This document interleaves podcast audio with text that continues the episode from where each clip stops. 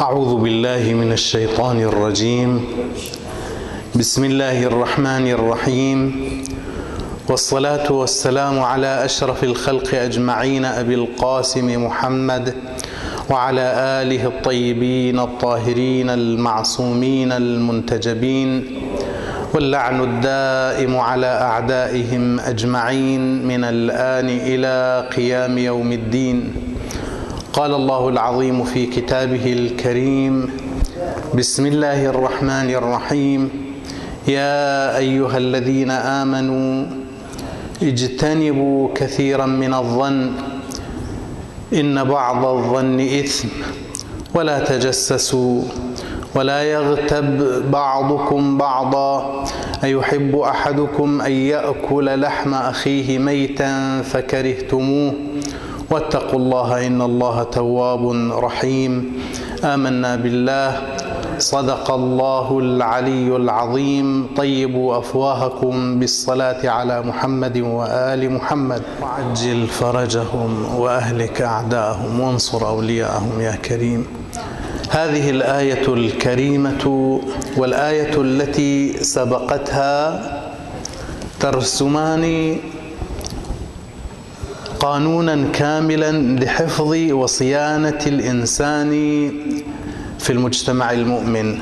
الآية السابقة بسم الله الرحمن الرحيم. يا أيها الذين آمنوا لا يسخر قوم من قوم عسى أن يكونوا خيرا منهم ولا نساء من نساء عسى أن يكن خيرا منهن ولا تلمزوا أنفسكم ولا تنابزوا بالألقاب بئس الاسم الفسوق من بعد الإيمان ومن لم يتب فأولئك هم الظالمون. بعبارة أخرى أن الإنسان في المجتمع المؤمن في المجتمع المسلم ينبغي أن يصان في نفسه وماله وعرضه وسمعته. وكما هو معروف إن المسلم من سلم المسلمون من لسانه ويده. الآيات لا تقول لا تقتل. هناك آيات تكفلت.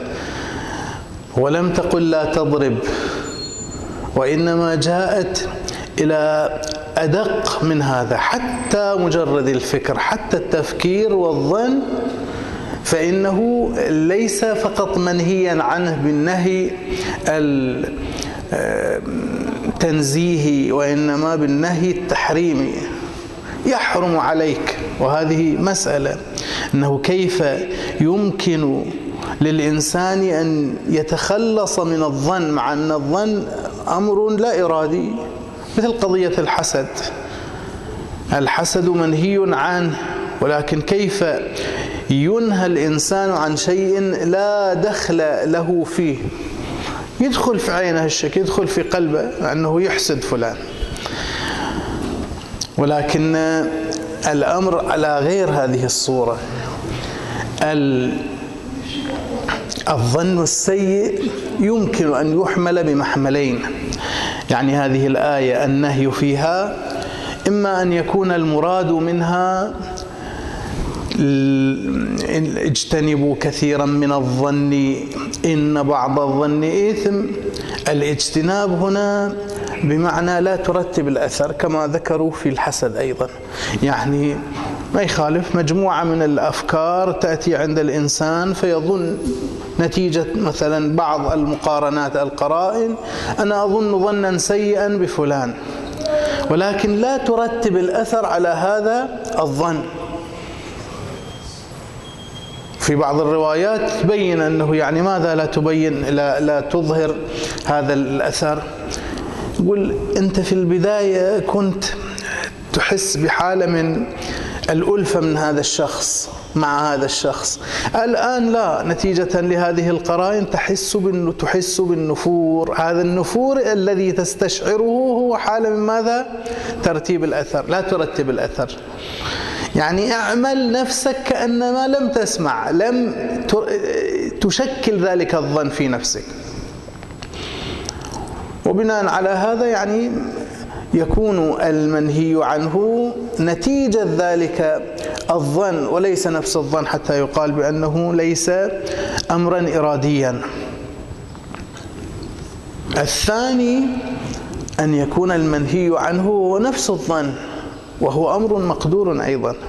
ولذلك نجد بعض النفوس الطيبة المربات على التربية الحسنة دائما ظنها يكون ظنا حسنا. تأتي إلى شخص وتقوم ببعض الأفعال التي ظاهرها يكون مثلا سيئا. فتأتي لتعتذر له وتقول بأنني أنا لم أفكر هذا التفكير أو أنا فهو يجيبك بأنه من قال لك أنني أنا فكرت فيك هذا التفكير. كثيرا ما أهل البيت وأصحابهم صلوات الله وسلامه عليهم أجمعين حينما يرون من الآخر التصرف النابي الكلمة الساقطة أو على أي حال الأفعال التي تشي وتوحي بهذا المعنى إلا أن أهل البيت عليهم السلام أو أصحابهم أصحابهم نجدهم مثلا يصلون ركعتين أو يحملونهم على محمل حتى نفس الشخص ما كان يتصور أن أحدا يمكن أن يحمله على هذا المحمل. جاء شخص عند أحد ولعله هارون العباسي عند أحد ملوك بني العباس وتكلم على الإمام الكاظم سلام الله عليه وقال إني أبرأ من إمامتي أو إلى الله من أن يكون موسى بن جعفر إماما. أحد الموالين كان موجودا حينما سمع هذا الخبر تبرأ منه. الإمام سلام الله عليه قال عذ بالله من هذا النفاق. عبر عنه بالنفاق من هذا النفاق الذي دخل في قلبك من هذا الشخص. وهذا ظاهر قاعد يعني بلسان فصيح يتبرأ من الإمام سلام الله عليه. الإمام يحذره من هذا النفاق لأنه واقعا حياة الإنسان خليطة بكثير من الأمور التي تجعله ربما لا يصرح. أو هناك رواية جميلة عن المعصومين سلام الله عليهم يقول يقولون كل كلام. هذه الكلية هنا ربما تكون كلية عامة يعني مطلق ربما يشذ منها بعض آه، الأطراف مو دائما. ولكن الرواية هكذا كل كلام يمكن أن يفسر تفاسير متعددة ولا يكون المفسر له لها كاذبا. ولذلك إحنا نشوف بعض الألفاظ واحد يقول مثلا إني أكره الفتنة. لا أحب الفتنة أحب الفتنة وأكره الحق بحيث أنه ممكن واحد ينسبق إلى ذهنه أنه هذا كفر والعياذ بالله. ولكن الإمام سلام الله عليه. بعد ذلك يبين أن الحق الذي يكرهه هو الموت. واقعا لما يسمع واحد يقول لي صدق إحنا كلنا هالشكل. أو غالبنا هكذا. وتحب الفتنة إنما أولا أموالكم وأولادكم فتنة. الألفاظ لما تسمعها يكون لها ظاهر. إذا كانت من غير جماعة المؤمنين أنت بعد تمشي حسب المنطق. لكن إذا كانت من جماعة المؤمنين لازم تحملها على محمل طيب. حتى في بعض الروايات يقول احمل عمل أخيك المؤمن على سبعين محملا. في رواية أخرى ابحث لعمل أخيك على محمل حسن فإن لم تعثر إذا أنت ما حصلت. تقول ما ينحمل كلام هذا ما إلى وجه يقول التمس له محملا طيبا حسنا. أنت تقول لا ما يخالف. ومو هذا فقط تربوي لأن هذا في إشاء في يعني أمور ربما تخفى علينا. ولكن القاعدة لتكن في المجتمع المؤمن أننا نحمل عمل إخواننا المؤمنين على المحمل الطيب. ما أكثر. يعني أحد أو إحدى القصص التي قرأتها دائما تأتي في مخيلتي حينما أبحث هذا الأمر. الشيخ أسد حيدر صاحب كتاب الإمام الصادق والمذاهب الأربعة يذكر أنه كان في حاجة احتاج إلى مبلغ من المال كأنما مع السيد الحكيم السيد محسن الحكيم. عادة الناس يودون الأخماس إلى المراجع إلى وكلاء المراجع. هذا عند المرجع يجيبون الأخماس. هو بالنتيجة إنسان صاحب برامج وصاحب نشاطات. احتاج إلى مبلغ من المال راح إلى السيد الحكيم. طلب منه ماذا المال. السيد الحكيم قال والله ما عندي. هو جاي يطلع من الديوانية واحد من المنطقة الشرقية في الجزيرة العربية رايح هناك سلم عليه. ها وين جاي؟ قال والله جاي بحقوق شرعية إلى السيد الحكيم. هو في نفس المجلس بقولتهم البرانية. أنا أطلع وذاك داخل والسيد الحكيم داخل هناك. قلت خلاص بعد مرة ثانية أنا لما أجي أرجع للسيد وأقول له يوم ثاني جيت إلى السيد بعد أنا ما عندي حتى واحد في المليون أنه ما وصل إلي المال. فقلت لسيدنا أنا أمس جيتك وما عندك اليوم بعد جيتك مرة ثانية. ما قال لأنه فلان جاي أو فلان ما جاي. أي فقال ما عندي ما وصلنا مال. هنا بعد الترموستات ماله صعد فوق. أي. قال يعني شلون؟ قدام عيني. مو واحد خبرني. فعلى أي حال حمل في نفسه. بعد أيام لقي ذلك الشخص القطيفي. سأله.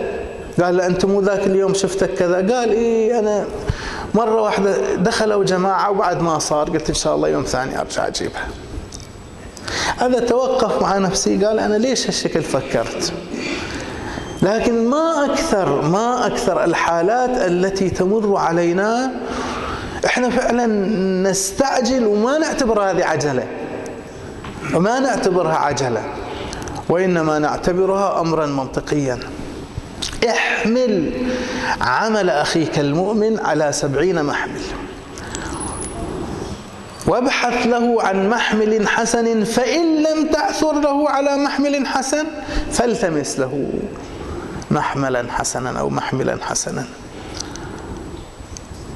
فالأمر الثاني شو يقول يقول لا يقول أصلا حتى حتى نفس الظن السيء الذي تظنه هذا هو نفسه يمكن أن يتبدل.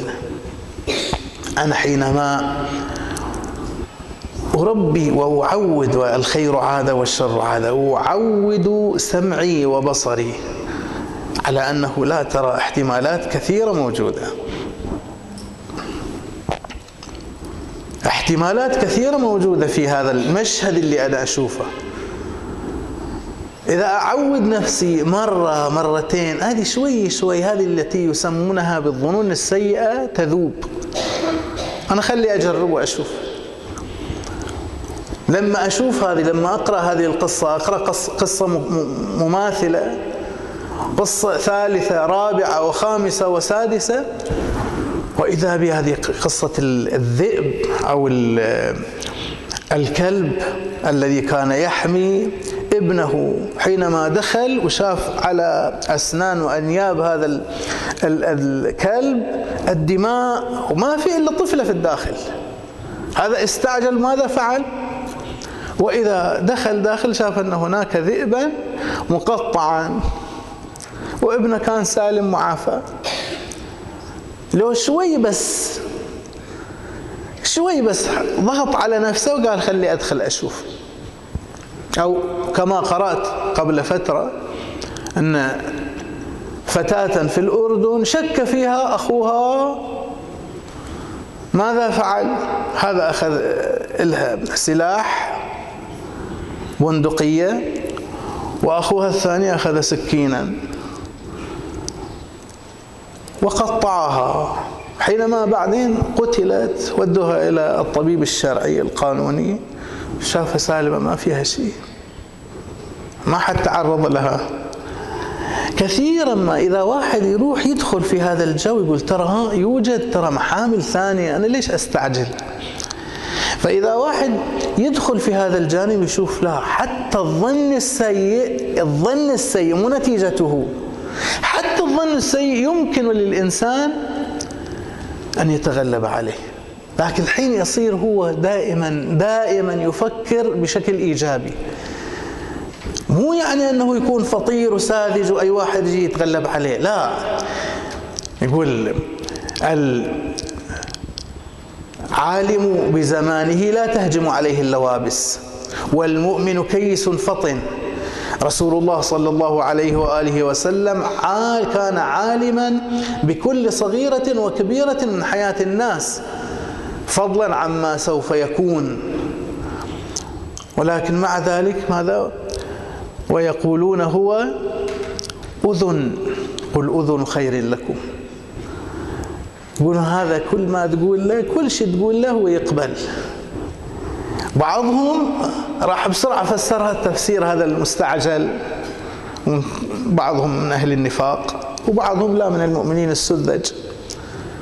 أنه ترى هذا ينطلي عليه كل شيء واحد يجي الرسول صلوات الله وسلامه عليه في المعركة يجي يقتله يقول له يا رسول الله أنا هذه ما كنت أدري وأنت ابن عم وابن أخ كريم وهذه آخر مرة فرسول الله يتركه فيروح إلى مكة ويقول ترى محمد أنا قشمرته ويتقشمر بسرعة. مرة ثانية بعد ألقوا القبض عليه جاء دوره ليقتل فوقف أيضا بهذه الصورة. رسول الله أيضا تركه. هذه بعد الصورة كأنما تأصلت. هو شو ما يفكر ما يفصلها ويفسرها لأنه رسول الله كم هو طيب القلب؟ كم هو واسع القلب والأفق؟ لكن في المرة الثالثة قال بعد الشكر ارتفع فوق نزل وقال له خلاص هذا يقتل. الرسول مو ما يدريه ولكنه لا يخرج منه إلا الرحمة. بالمؤمنين رؤوف رحيم. ولو كنت فظا غليظ القلب لانفضوا من حولك. يا أيها الذين آمنوا في ساحة وفي دائرة المؤمنين يا أيها الذين آمنوا اجتنبوا كثيرا من الظن. لماذا كثير من الظن؟ لماذا ليس كل الظنون؟ لأن بعض الظنون طيبة بعض الظنون إذا كانت مثلا حسنة خصوصا أن الآية لم تقل اجتنبوا السيئة من الظن وإن كانت هي تريده لكن الكلام مطلق. اجتنبوا كثيرا من الظن. أو لا أنا أعلم وأدري بأن هذا الأمر يمشي حسب مواثيق وحسب قوانين. رسول الله صلى الله عليه وآله وسلم يقول إنما أقضي بينكم بالبينات والأيمان. يعني يجي واحد ويحلف يجي واحد ويجيب بينة. وقد يكون رسول الله صلى الله عليه وآله وسلم يعلم أنه كاذب. هناك مسألة يقولون هل يحكم القاضي بعلمه أو لا بالبينات والبراهين الدلائل هذه التي عنده؟ أهل البيت يدرون. الإمام المهدي عجل الله تعالى فرجه الشريف حينما يخرج حينما يظهر. بعد ذلك سوف يحكم كما حكم أو كما يحكم داود عليه السلام. يحكم بعلمه.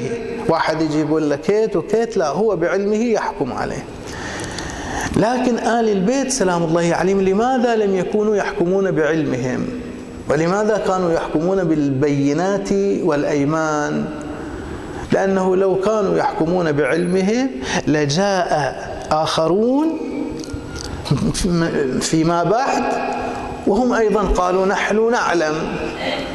وفي الواقع هم حكموا ماذا؟ شهواتهم. حكموا نزواتهم. ولذلك أهل البيت صلوات الله وسلامه عليهم لم يكونوا يحكمون علمهم.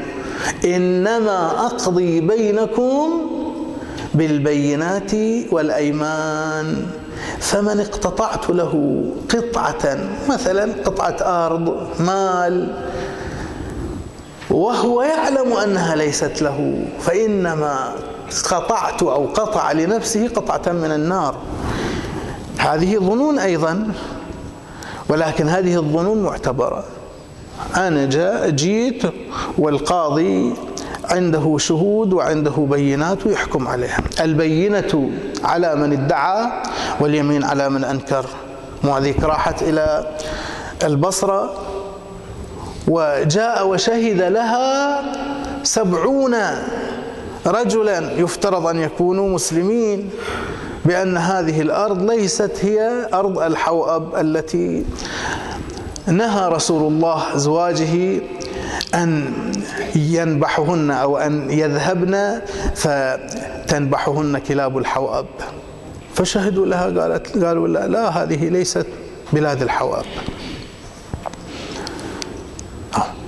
إذا جاء القاضي وحكم بناء على بينة هذا وأيمان ذاك.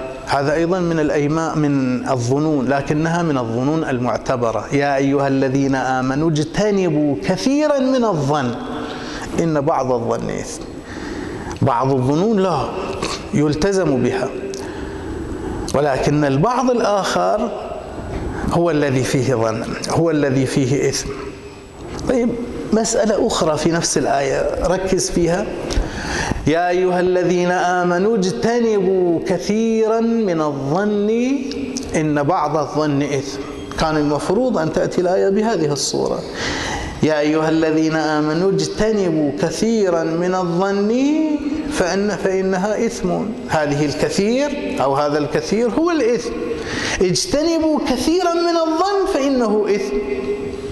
لكن الآية ماذا تقول؟ إن بعض الظن إثم. يعني الآن أنت اجتنبت عشرة ظنون اجتنبت مئة ظن.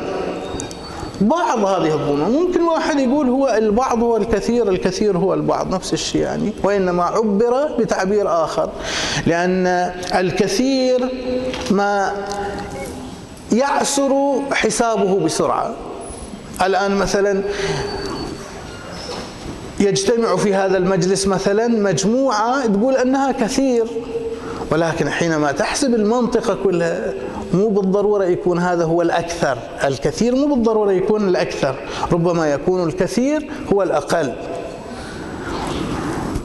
فيمكن مطابقة البعض على الكثير. يا أيها الذين آمنوا اجتنبوا كثيرا وأن هذا الكثير هو البعض. ممكن هالشكل واحد يفسرها.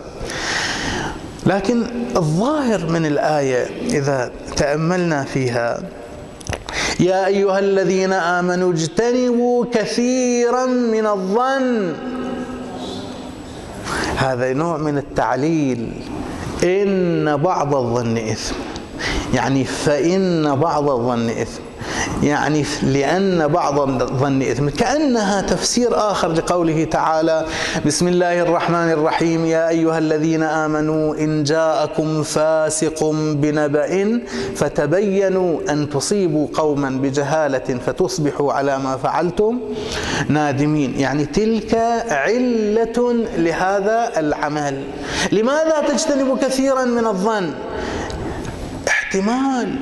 أن بعض هذه الظنون تكون ماذا؟ تصيب أمرا تتندم عليه. لأن هذه الظنون بعضها إثم. فأنت احتراسا عن الوقوع في تلك الظنون. الآثمة اترك كثيرا من الظن. هذا هو الأليق والأوضح والأنسب بظاهر الآية.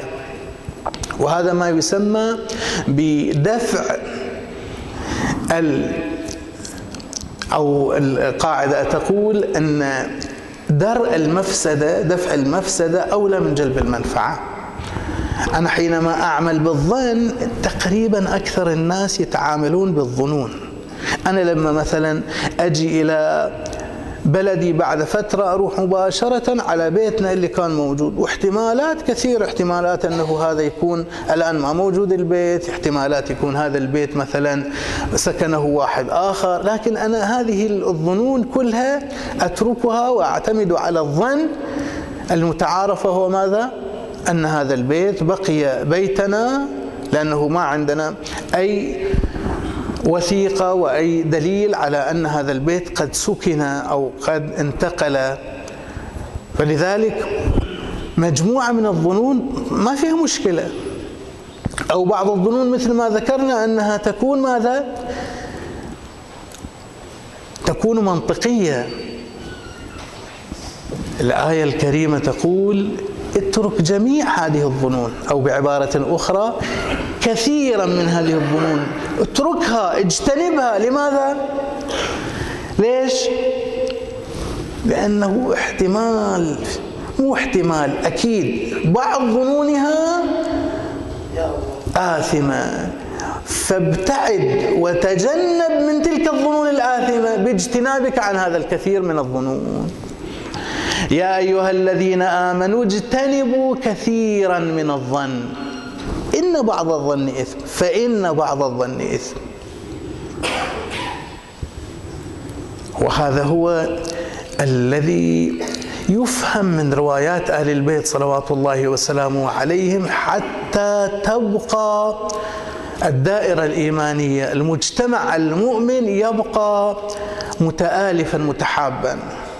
وإلا بمجرد أن يكون هناك ثلاثة بمجرد أن يكون هناك ثلاثة تأتي وتبدأ هذه الظنون. فإذا صار مجتمع متكامل هؤلاء حينما يتكلمون كانوا يتكلمون عني كانوا يتآمرون عليه هذان الاثنان حينما تسارا كنت أنا موضوعهما.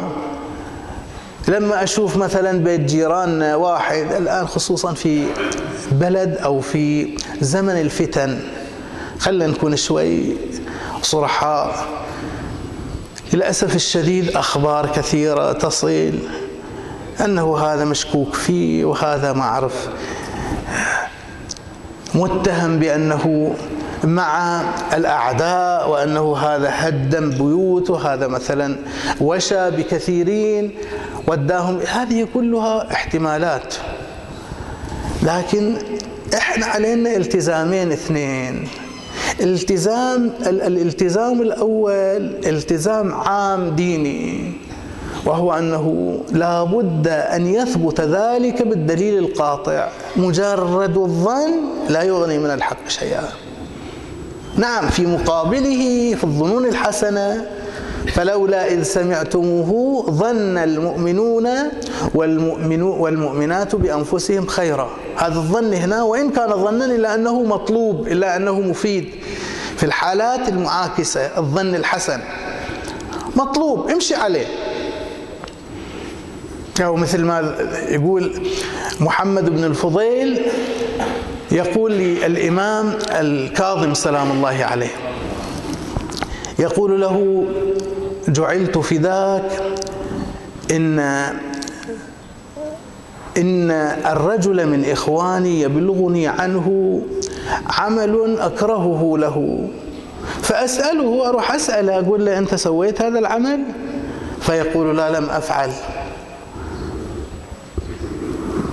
وكان الذي الذين أخبروني عنه إخوة ثقات. أنا شنو أسوي في هذه الحالة؟ شوف هذه بعد الحالة بعد متقدمة أكثر من مجرد الظن. جو جماعة وشهدوا عليه.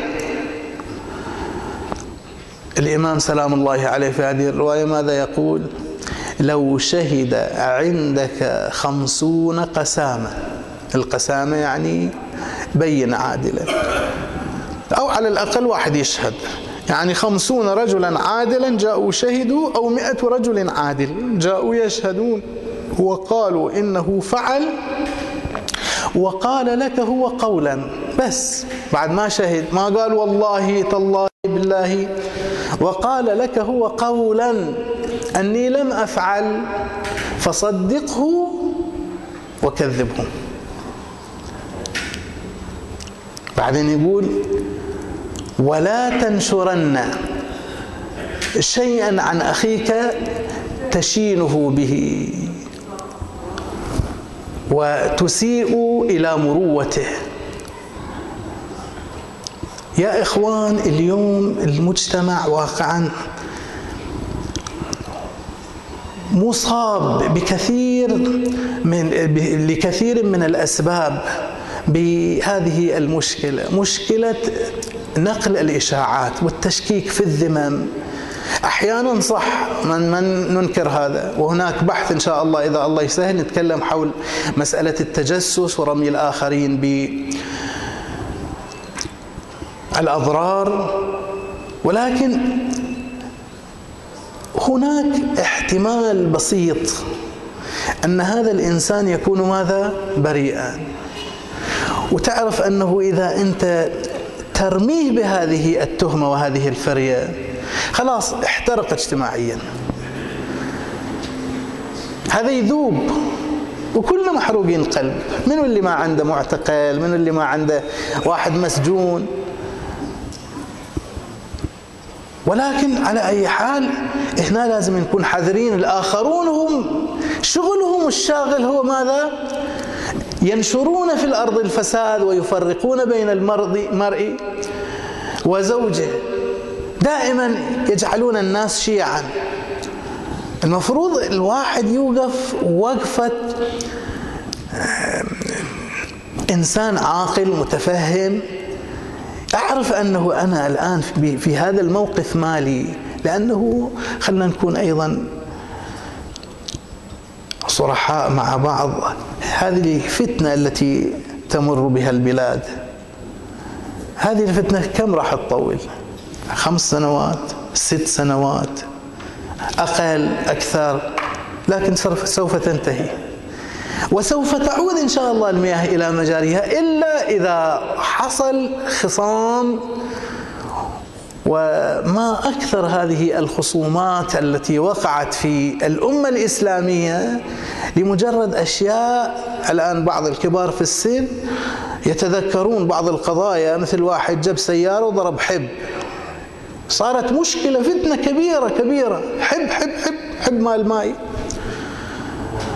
إذا ما يتدخل أهل العقل وأهل الضمير يباعدون الناس عن هذه الظنون السيئة ما نقول أنه هذه الظنون دائما ليست في مكانها لكن لا أحد يتحرك لا أحد يتحرك إلا شنو؟ إلا وفق دليل وبرهان. وإلا أنا شفت واحد مثلا ملثم وهذا الملثم كان يشبه فلان وأنا أرميه بهذه. هذا إذا لا قدر الله أنت مخطئ فيه فإن هذه بعد أن تنتهي هذه الفتنة سوف تبقى. وتبقى حزازات في النفوس. الله يعلم خمسين سنة ربما أكثر. وهي مو مشكلة. بعضهم يقول أنا مستعد أن المشكلة مو أنت وهذا الذي تتخالف معه. يتناسلونها فيما بعدك. يصير إرث في المجتمع. إحنا لما نتكلم عن داحس والغبراء ونتكلم عن حرب البسوس هي بكلمة وغضب وزعل وخلاص انتشرت. الأوس والخزرج وحد وألف رسول الله بين قلوبهم بفضل الله لكن يوم من الأيام غاب شبت بينهم خلاص رفعوا السيوف ولولا فضل الله وقدوم رسول الله على وجه السرعة لعادت مرة ثانية حرب بسوس أخرى أو داحس وغبراء أخرى بين الأوس والخزرج.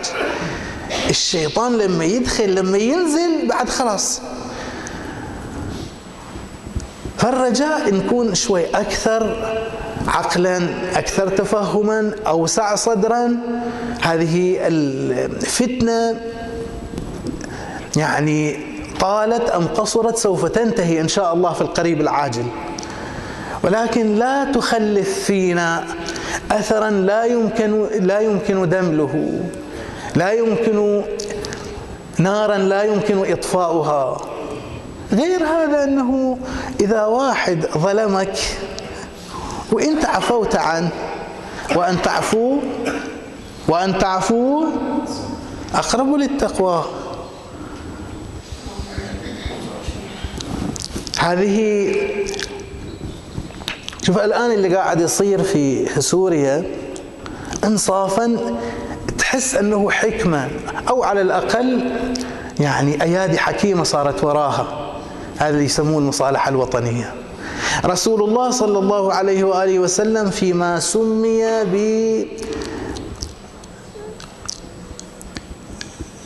الإفراج عن الطلقاء حينما جاءوا. ماذا فعل بنو أمية برسول الله؟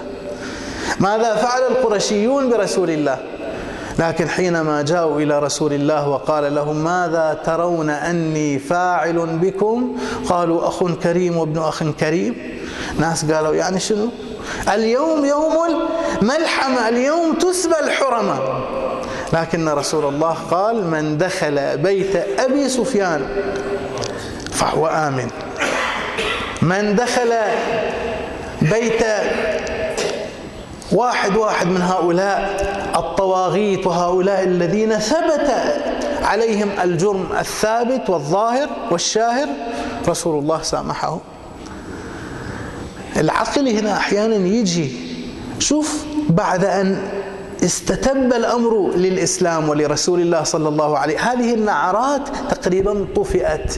ممكن واحد يبقى يقول أنا هذا مثلا أنا ما أتحمله لكن هذا مع موته ينتهي الأمر. ولكن لو أنه جاء وصف فيهم من عرض كلهم كانوا مستحقين للقتل. كلهم كانوا مستحقين القتل. لذلك ينبغي شوي يكون عندنا غير يعني بعد مسألة الإحسان في الظن حسن الظن وأنه سوء الظن من الأمور المنهي عنها شرعا وأنه ربما تصيب بريئا بهذا الظن. لا لا أكثر من هذا. حتى إذا شفنا طبعا هذه القلوب ربما لا تتحمل لكن العقلاء ينبغي أن يتحركوا أنا أربأ بالإخوان أربأ بالناس هنا في هذه المنطقة الكريمة الشريفة ذات التاريخ الناصع أن تقع في حفر لا يعلم إلا الله سبحانه نتيجة يعني الدمار التي يمكن أن تخلفه. ونهيب بأهل العقل وأهل الضمير أن يتحركوا من أجل رأب الصادع من أجل تطيب القلوب. انه أنا هذا الطفل اللي أنا أقول إلى الأمم المتحدة وما أعرف مع الحقوق الإنسان أقول أنه هذا طفل واعتقل أحيانا بعض الأطفال أيضا لا يصير هجوم عليهم بهذه الصورة. ما يخالف أنا لأني أحس بمسؤوليتي ولأن أحس أنه إذا ما قلت هذا الساكت عن الحق شيطان أخرس. أقول قولي هذا وأستغفر الله لي ولكم والحمد لله رب العالمين وصلى الله على محمد وآله الطاهرين.